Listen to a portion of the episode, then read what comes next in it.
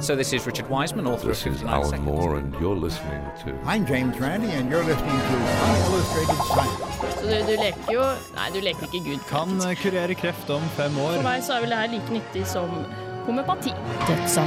Forskningsnytt. Altså, jeg kan ikke lage en hårete planet. Nei, nei. Uillustrert vitenskap.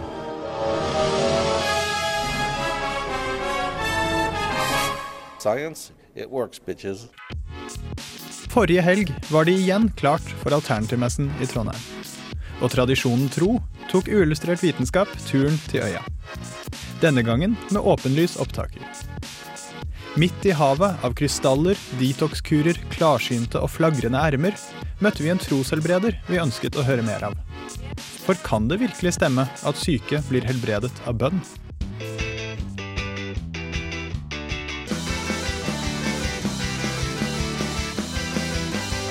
De sier at jeg har lomma full. Radio Revolt. Lomma full av sitrussyre der på Radio Revolt. Du lytter til uillustrert vitenskap, Radio Revolts vitenskapelige, mag populærvitenskapelige magasin, til og med.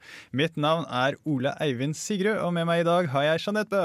Hei, hei, hei. Velkommen tilbake. Å, takk for det. Det har vært Du har vært lenge borte. Ja.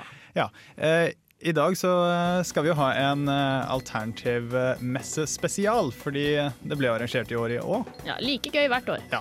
Denne gangen uten skjult mikk. Ja. Eh, Så eh, var det jo faktisk en eh, troshelbreder, veldig kjent eh, kar som heter Svein Magne Pedersen, som var der. Så da eh, måtte vi jo bare intervjue ham. Eh, Og så får vi også et intervju med Gunnar Tjomli, som eh, har jo tidligere kritisert eh, denne Svein Magne Pedersen. Yes. Dette her blir kjempespennende, men først skal vi høre Proviant Audio med 'Take Me Back to When I Wish I Was Born'.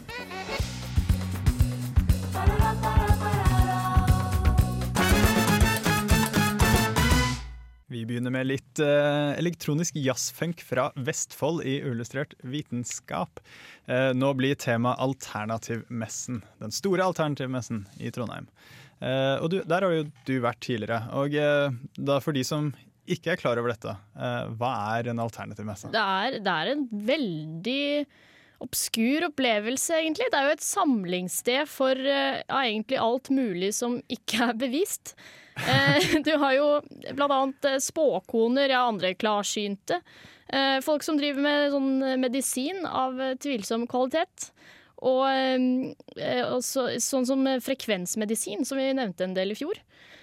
Og så er det jo salg av mye morsomt. I hvert fall klær. I hvert fall hvis du går for den Lord of the Rings-stilen. Eller hvis du er skikkelig redd for stråling, så har du jo klær som beskytter mot det òg. Det er ikke måte på. Også, men det er jo ikke bare elendighet. Eh, Det er jo også, det er også mat der. Ganske, ganske gode vegetarburgere og masse smaksprøver på eh, tørka frukt. Ja. Nøttestanden er, er eh, noe jeg ja, kommer innom hver, hvert eneste år. Og i år så var også Etikken der, den økologiske fair trade-sjappen her i Trondheim. Og de solgte jo veldig god sjokolade, blant annet. Så det, er- det er ikke alt som er alternativt og pseudovitenskapelig, men mye av det er det jo. Så har det jo også vært en voksende tendens nå som alternativmesser har vokst seg så store at eh, ja, litt mindre alternative Uh, ting som f.eks. kristendom har eh, presset seg inn og funnet ut at dette her er et sted vi kan møte folk. De tidligere årene så har det vært da én stand med gratis Kristus-helbredelse, altså en person som ber for deg. Eh, mens i år så var det jo tre-fire stands med forskjellige typer kristendom. Jeg syns det er litt rart at kristendommen blander seg inn i, i det der. Jeg tenkte de kanskje heva seg litt over den derre Ja. nisjegreia. Nå var det én prest som sto på den ene standen. Og eh, hun var egentlig ikke noe særlig alternativ. eh, Bare helt normal eh, kristendom, egentlig. Eh, Men da folk kunne da gå og be der for seg. Men hun påsto ingen, ingen ja, helbredelse og sånne ting. Nei. Men eh, vi møtte jo da en annen som heter Svein Magne Pedersen, som er kjent fra denne misjonen Jesus leger. Eh, og han hevder jo at eh, man kan kurere all verdens sykdom med bønn. Så eh, vi var jo nødt til å intervjue ham, eh, og eh, det kan du jo egentlig bare høre nå. Coaching, det er EFT, det er dybdemassasje, hypnoterapi, vi gjør reconnective healing, kanalisering, personlig utvikling, yoga, vektreduksjon. Det er det meste. Og midt oppi det hele sto Svein Magne Pedersen. Mange ganger så sier jeg at vi er alternativ til de mange alternativene. Svein Magne Pedersen er daglig leder for Misjonen Jesus leger. Misjon Jesus Leger er en religiøs fristiftelse som ble starta i 1990. Og vi har drevet der med å be for syke, de med sjelesorg og misjon og evangelisering. Vi har eh, TV-studio, og vi har møter på et stort helbredelsessenter i Vennesla, som er helt nytt, skreddersydd for Misjon Jesus Leger. Misjonen Jesus leger er først og fremst kjent for å drive med troshelbredelse. Så hva er nå det? Vi helbreder i Jesu navn. Dvs. Si at kilden til eh, det som skjer her, er personen Jesus Kristus, som vi tror har dødd for vår synd, betalt for våre sykdommer eh, da han døde på korset. Dvs. Si han gjenoppretter alt det vonde som kom med Adam og Eva i fallet i Edens hage for mange tusen år siden. Så kom Jesus som den siste Adam for å utkonkurrere alle de negative kreftene som, er, som kom med fallet i Edens hage, deriblant sykdom. Og sykdommene de påstår å kunne helbrede, er mange. Alt mulig. Fra kreft og aids til vorter og, og skjelettproblemer. Ja, praktisk talt alt. Så nesten alle sykdommene som finnes i samfunnet, de har vært innom vårt kontor, enten per brev, eh, personlig frammøte eller e-mail osv. Telefoner. Masse telefoner fra ni om morgenen til ni om kvelden. Så sitter vi og tar telefoner der på kontoret. Så vi eh, personlig ber jeg for ca. 70 000 enkeltpersoner i løpet av et år. Fantastiske påstander. Men har de fantastisk dokumentasjon?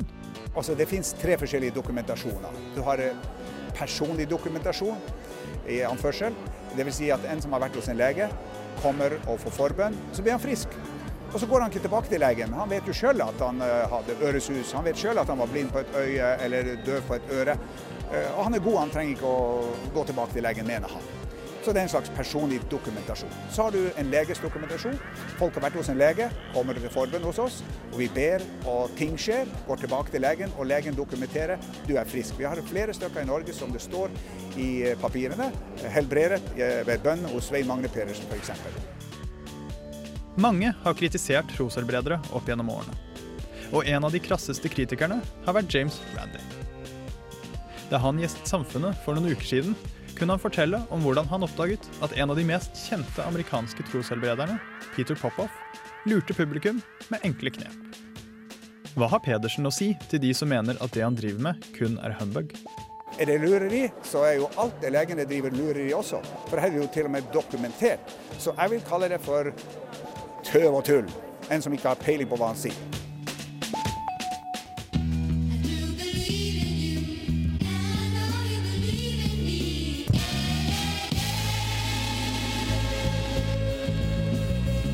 Hører på Radio Revolt, studentradioen i Trondheim. Med oss i studio har vi nå blogger og podkastvert for Saltklypa, Gunnar Tjomli. Velkommen til Illustrert vitenskap. Takk skal du ha. Eh, Da James Randi var her i Trondheim for noen uker siden, så kritiserte han bl.a. troshelbredere. Det har du også gjort på bloggen din. Så hva er så galt med å be for folk? Problemet er at folk eh, ønsker selvfølgelig å bli friske. Og når du har en veldig sterkt ønske om å bli frisk, så kan mye rart skje. Eh, folk som er desperate, folk som kanskje er oppgitt, som de liker å kalle det, hvis de har fått en alvorlig kreftdiagnose f.eks., prøver ofte desperate eh, løsninger. Og da er det veldig fristende å f.eks. prøve seg på folk som Svein Magne Pedersen, som tilbyr eh, healing eller helbredelse via f.eks. telefonen.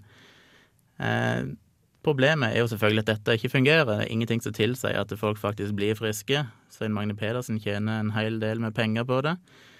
Og i verste fall, det skjer ikke så ofte heldigvis, men i verste fall så kan folk eh, f.eks. ikke eh, oppsøke den behandling de burde hatt. F.eks. når de har kreft, at de velger å ikke få konvensjonell kreftbehandling som faktisk kan gjøre de friske. Og det er absolutt et eh, ganske alvorlig problem. Men eh, Svein Magne Pedersen eh, han eh, kan jo peke til haugevis med dokumentasjon på helbredet, som står frem med da fullt navn. Og peker også til leger som har gått gode for at ja, deres pasienter har blitt friske etter å ha blitt bedt for av ham. Så hvordan kan man ha slik dokumentasjon hvis troshelbredelse ikke fungerer? Ja, Det går jo igjen når det gjelder all type alternativ behandling, så vil det alltid finnes mirakelhistorier eller vil finnes anekdoter eh, som tilsier at dette her fungerer. Og det er jo mange årsaker til det. Det ene kan jo være eh, på sykdommer som ikke er dødelige eller veldig, veldig veldig alvorlige, så vil jo 80-90 av alle lidelser gå over av seg sjøl, gitt nok tid. Og det påfallende med Svein Magne Pedersen at han sier jo nettopp det at når han ber for folk, så kan folk bli friske enten kanskje med en gang, det kan gjerne ta noen dager, av og til ta noen uker, måneder eller år. Så hvis noen blir friske to år etter de, han har bedt for dem, så vil han allikevel si at det var hans forbønn som gjorde de friske. Men rent statistisk så vet en jo at folk blir friske gitt nok tid for de aller fleste lidelser. Så er det jo veldig mange diagnoser som rett og slett ikke er korrekte, de er ikke fullstendige. Folk kan gjerne påstå at de har en uh, brystkreft eller et eller annet, selv om det ikke er en endelig diagnose. Av og til er sånne ting vanskelig å, å konkludere med helt uh, endelig. Uh, så har en jo òg dette med law of large numbers. Altså Sven Magne Pedersen hevder vel å helbrede For noen år siden så snakka han vel om 50 000 personer. Og har du 50 000 personer, så vil det være statistisk sett noen som blir friske, til og med av alvorlige sykdommer der en kanskje ikke forventer det. Eh, det er jo lett å misbruke statistikk. Hvis du tar f.eks. en alvorlig kreftsykdom som eh, kreft i bukspyttkjertelen, der du har nå husker jeg ikke nøyaktig tallet, men det er noen veldig få prosent som er forventa å leve lenger enn fem år. Men har du store nok tall, altså mange nok som får kreft i bukspyttkjertelen, så vil du allikevel ha hundrevis eller kanskje tusenvis av personer som faktisk lever ganske mye lenger enn fem år, selv om de har en såpass alvorlig diagnose. Og har du ja, det er f.eks. Kreftforbundet, eh, som eh, promoterer alternativ behandling av kreft. De liker ofte å peke på dette, at du har en eller annen veldig ny eller ukjent behandlingsmetode. Og så finner de et eller annet tilfelle, en eller annen person som har skrevet ei bok, som levde i ti år, f.eks., selv om legene mente at han skulle ha dødd etter ca. fem år. Men dette handler jo om at du har en normalkurve på fordelingen av, av disse prognosene. at eh, Statistisk sett vil de fleste dø etter en viss tid, sånn pluss-minus, men noen vil leve mye lenger, noen vil leve mye kortere. Og da kan en gjerne utnytte det da som et slags bevis i gåsehudet for at noen har hatt eh, nytte av en behandling eller forbønn. Woman,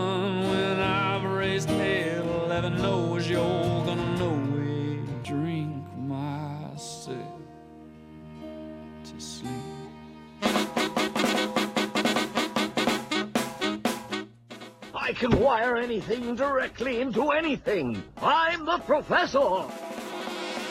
Uillustrert vitenskap. Vi har fortsatt besøk av Gunnar Tjomli her i Uillustrert vitenskap på Radio Revolt. Og du har jo tidligere undersøkt en del av mirakelhistoriene Pedersen presenterer. Hvordan gjorde du det? Ja, Det var egentlig veldig tidlig i min såkalte skeptikerkarriere. Jeg hadde en kamerat fra videregående som var veldig veldig opphengt i Sven Magne Pedersen. Han kom fra samme sted, fra Hegeland og mente at det viser til bladet Legedom, eller nettsidene til Misjonen Jesus Leger. Og sa at her er det jo massevis av mirakelhistorier, hvordan kan du bortforklare det? Her er jo den og den personen som sier sjøl at de er blitt helbreda for både det ene og det andre. Og det ble litt et problem for meg, for da tenkte jeg jo, han er jo et poeng, her er det jo faktisk personer som står fram og, og hevder at de er blitt bedre, så hvordan kan jeg motbevise det? Så da tenkte jeg at jeg fikk eh, leke litt gravende journalist, så jeg satte meg ned, med Misjonen Jesus Leger sin nettside. Fant eh, de første, ei liste med navn med folk som hadde sine historier. Og googla de og søkte telefonkatalogen og prøvde å finne telefonnummeret, og fant nummer til en fire-fem stykk, som jeg da satt en kveld og ringte. Og rett og slett spurte de rett ut og sa jeg har lest din historie her i bladet Legedom, og syntes det virker veldig interessant, og lurte på om de kunne fortelle meg om hvordan de opplevde det. Så hva var det du fant da? Et eksempel var jo eksempel en ringte som hadde to prolapser i ryggen som gjorde at han hadde veldig mye smerte, og, og legene sa at dette kan du kun behandle kirurgisk. Og han gikk og ble eh, bedt for av Svein Magne Pedersen. Ifølge bladet Legedom så sier han eh, et par uker etter behandlingen, eller etter forbønn, eh, det er stort og fantastisk det som har skjedd meg. Og han var ute og gikk tur i fjellet som han aldri hadde klart før. Når jeg ringte han, så sa han at dette stemte jo ikke i det hele tatt. Altså De neste dagene etter forbønnen så følte han seg litt bedre. Det gjorde han men eh, nå var han jo akkurat like dårlig som han hadde vært før. Og det er jo en sånn typisk eh, greie når du opplever eller blir bedt for, så får du en, kanskje en placeboeffekt eller en eller annen form for et uh, rush som gjør at du føler deg bedre. Men det betyr ikke at du faktisk er bedre, og den effekten den forsvinner etter en liten stund. Det var òg ei annen dame som syntes var litt både trist og morsom, som hadde en sånn kul i, på sida i huden som var sannsynligvis en sånn væskefylt eh, ja, en betennelse som jeg sjøl har hatt i en eh, hårsekk, som blir ganske stor og vond, og gjerne må opereres vekk, eller iallfall skjære i for å få tømt ut. Og hun eh, sleit veldig med dette, og skulle egentlig til legen og få skåret ut denne her klumpen dagen etterpå, men kvelden før så gikk hun altså til et hel, sånn helbredelsesmøte med Svein Magne Pedersen, som da tok på denne klumpen og ba for henne. Og samme kvelden så forsvant den klumpen, og det syntes hun var helt mirakuløst og fantastisk. Og Det er jo to problemer med det. Det ene er jo det at dette her går jo over seg sjøl. Det gjorde det jo med meg. En dag så sprakk han av seg sjøl, og alt pusset rant ut. Så det er jo ikke noe spesielt mirakuløst. De varer jo som regel bare noen dager uansett. Det som var litt mer både trist og rart, er jo det at hun hadde vokst opp med en del ganske alvorlige sykdommer, blant annet noen nyresykdom som var kroniske. Eh, og de sykdommene hadde selvfølgelig ikke skjedd noen endring i. Så denne litt bagatellmessige betennelsen, den forsvant, men de kroniske og alvorlige sykdommene var det ingen forandring i. Allikevel så mente hun at dette var et mirakel, og ropte halleluja og, og prisa Svein Magne Pedersen for hans evner. Eh, Så hva slags eh, dokumentasjon vil du kreve for å godta eller gå med på at troshelbredelse faktisk fungerer? Ja, Det er jo et godt spørsmål. Hva er det som kan en egentlig bevise det? Det blir jo som regel bare enkelttilfeller uansett, og enkelttilfeller vil en jo ha nesten uansett hva for en type behandling, eller eh, om det er krystallterapi eller healing eller voodoo, så vil en alltid finne historier, gitt at det er nok antall. Eneste måten å analysere dette på er jo egentlig statistisk. altså En må på en måte en må ha, gjennomføre en, en skikkelig studie der du har en kontrollgruppe og, og rett og slett sjekke om det er flere som blir bedre i en kontrollgruppe kontra de som eventuelt blir bedt for det av Svein Magne Pedersen eller noen andre. Å vise at en enkelthistorie er rett og slett ikke godt nok. Og det er veldig lett å gjemme seg vekk. Jeg husker jo han, hel, han påstår jo blant annet at jeg helbreda iallfall ei, jeg tror det var ei dame, for aids. Men vil jo ikke vise når han sier han har dokumentasjon på det, men han vil ikke vise det da, fordi at hun helst ikke vil stå fram med sin historie og sånn. Og, og selv om han hevder han har masse dokumentasjon, så har jeg ja, jeg vet ikke hvor offentlig det er. Du sier at han har, det synlig, men jeg har aldri sett det blitt lagt fram eller analysert av, av noen ennå. Men uansett så blir det bare enkelthistorier, og du kan aldri ta enkelthistorier og bruke det som bevis for noen ting som helst. Du må opp i Du må ha kontrollerte studier i større antall for at det skal fungere som bevis. Da venter vi i spenning til eh, Svein Magne Pedersen eh, lar seg teste på dobbeltblindt vis, og sier tusen takk til Gunnar Tjomli for at du kom i Julestrøk vitenskap. Takk skal du ha.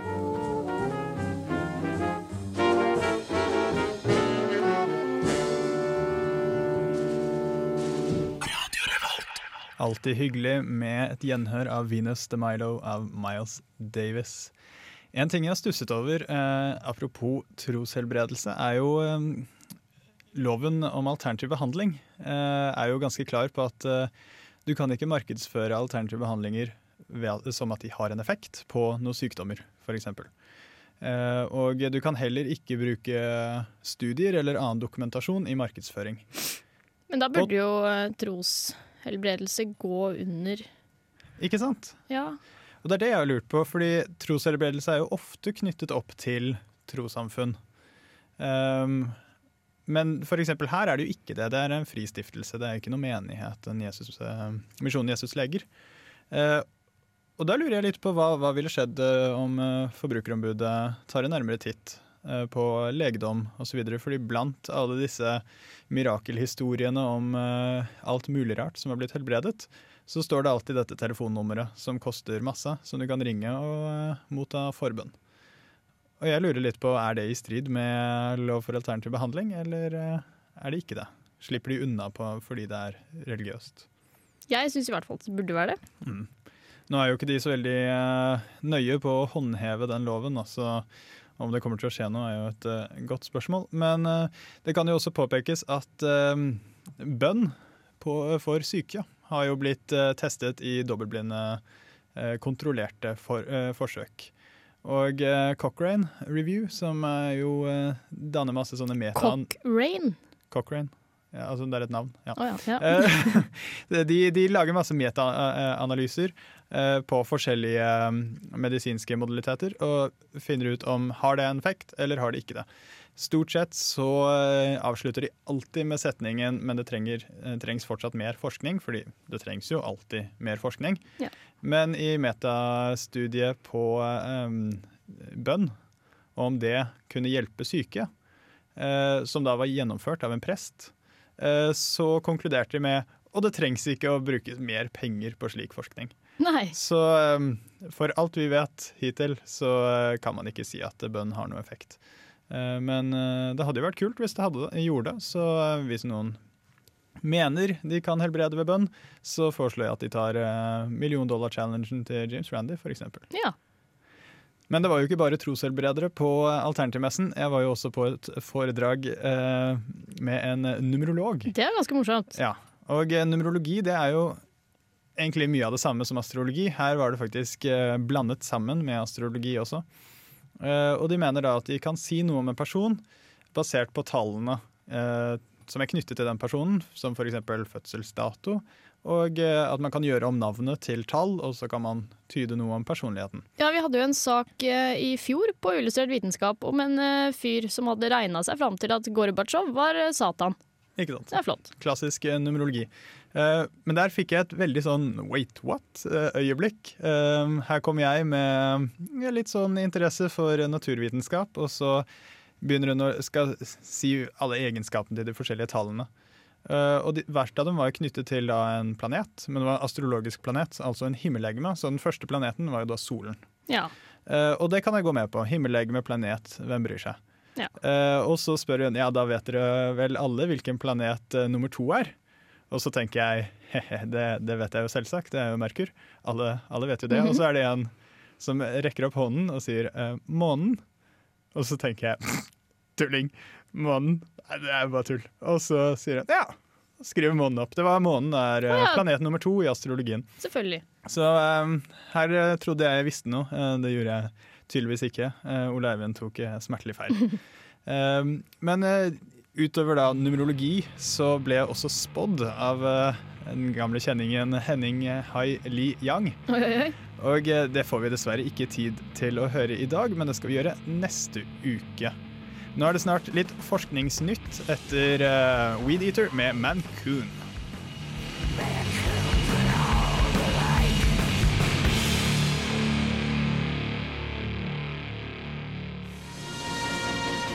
Uillustrert vitenskap presenterer Forskningsnytt.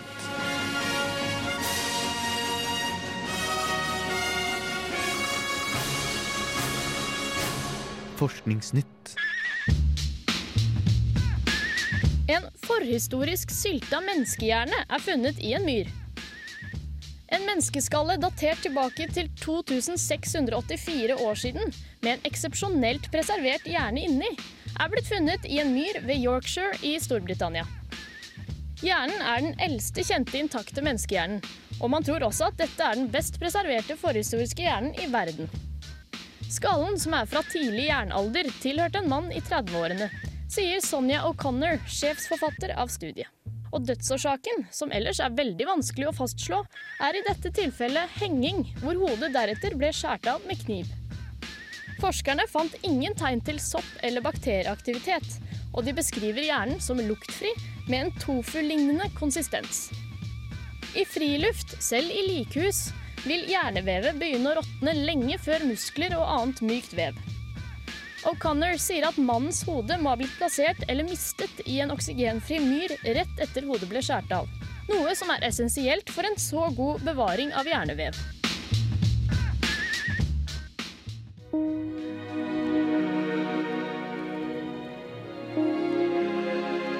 Hva skjer med snegler på tur i verdensrommet?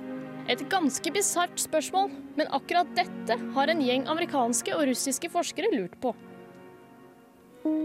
Helt siden begynnelsen av romalderen har forskere funnet ut spennende måter å teste ut G-kreftene og mikrogravitasjonen på menneskekroppen. En av disse metodene er den fryktede menneskesentrifugen brukt av Apollo-programmet. Astronauten John Glenn beskrev denne sentrifugen som sadistisk. Han strammet hver eneste muskel i kroppen, og om han så mye som tenkte på å slappe av, ble synsfeltet smalere og smalere, og man endte opp med å besvime. Men nå har disse sentrifugene blitt brukt på andre vesener, nemlig snegler. Og hvorfor skulle ikke snegler være egnede astronauter? De spiser jo lite, tar opp lite plass og ender ikke opp med å kjede seg og rasere romskipet. Mennesker har et fullverdig vestibulærsystem i ørene, mens snegler har noe som kalles statosyst. Det er en liten bit av kalsiumkarbonat som beveger seg rundt ettersom sneglen endrer bevegelser. Og da er det jo naturlig å lure på hvordan dette reagerer på en tur i verdensrommet. Forskerne fikk en haug med snegler og sendte halvparten av de i en sentrifuge og deretter til verdensrommet. For å deretter sammenligne de med de som ble værende her. De putta begge gruppene på et gitter og ventet 180 grader.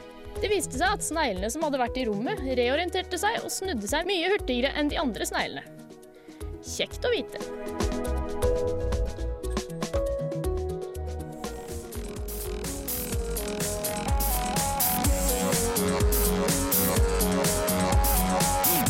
Fysikere ved partikkelakseleratoren Tevatron ved Fermilab kan ha funnet beviser på en ny elementærpartikkel eller en mulig helt ny naturkraft. En ny analyse av 10 000 proton- og antiprotonkollisjoner viste merkelige resultater over 200 ganger. Resultatene stemmer ikke overens med de aksepterte teoriene om elementærpartikler og kreftene som styrer dem. De såkalte W-bosonene oppførte seg ikke som de skulle, og de så usymmetriske bevegelser hos toppkvarkene. De samlede dataene antyder en ny partikkel, et mulig nytt boson, men det har vel å merke ikke noe å gjøre med det beryktede Higgs-bosonet. En teori sier at dette kan være en ny type Z-boson, mens en annen teori mener at dette kan være en tung form for gluon, partikkelen som limer kvarkene sammen. Om dette stemmer, vil dette være den største oppdagelsen innen fysikk på et halvt århundre.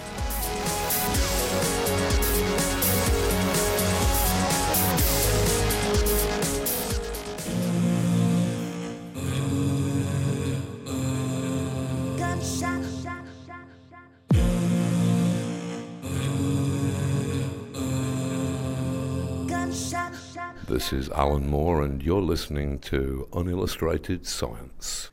Og Impler av eh, Slacht of Bronx. Vi hørte eh, Forskningsnytt gitt av oss fra Jeanette. Og eh, du snakket om en syltet hjerne. Ja, Det er ganske kult. Eh, det er ikke så veldig mye mer å si enn at det her er jo et helt utrolig funn.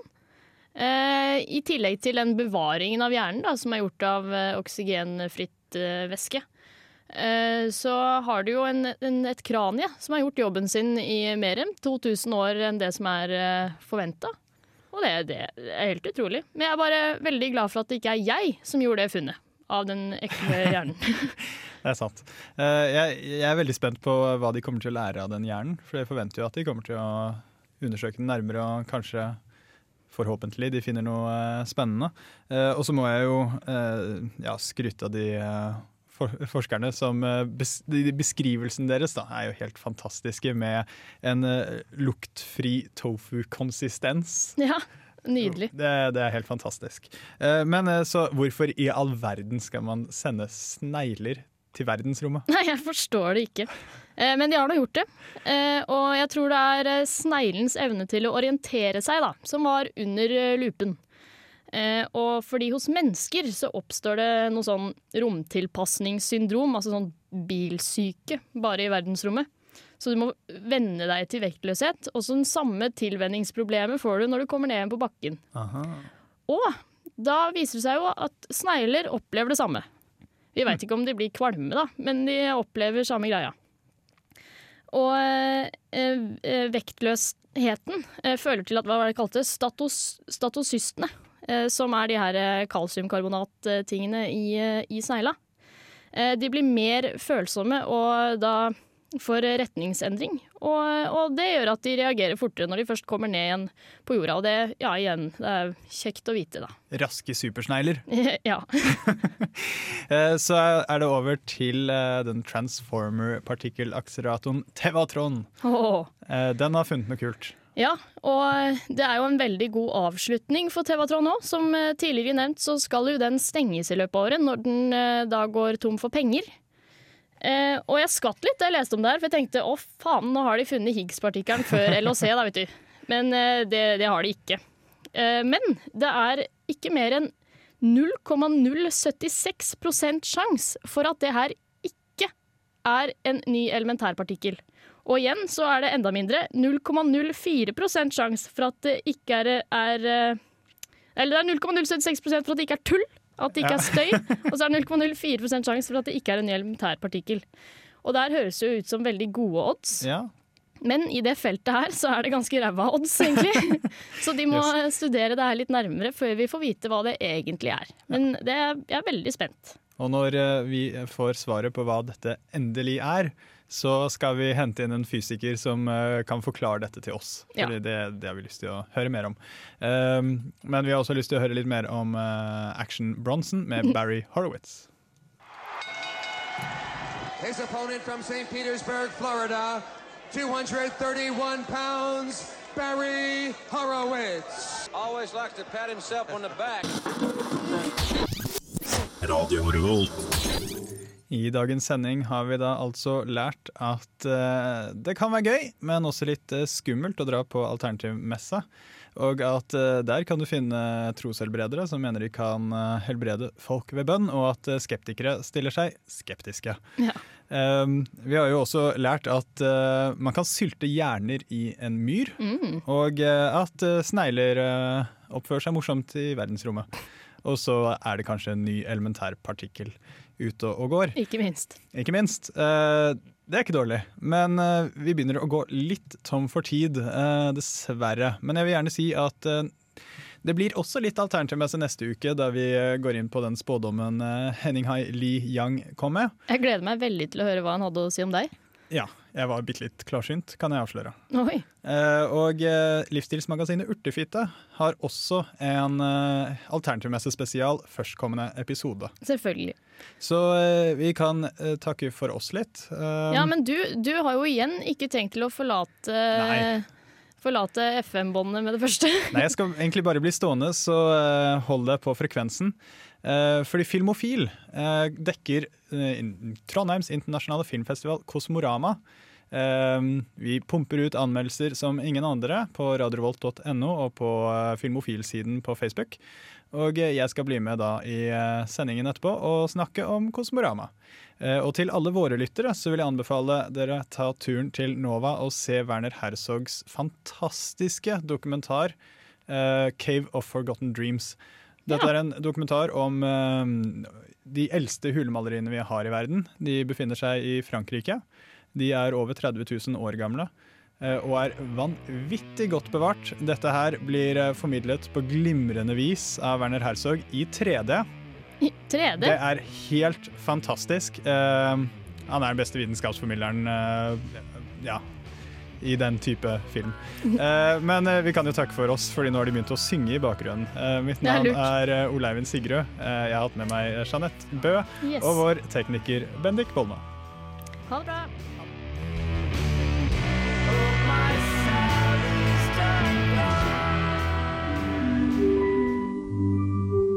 Uillustrert vitenskap er Midt-Norges eneste teknologimagasin på lokalradio. Og vi snakker om alt fra populærvitenskap til sære forskningsprosjekt ved NTNU. Radio Revolt, studentradioen i Trondheim, er stolt av å kunne presentere podkaster fra de aller mest populære programmene våre.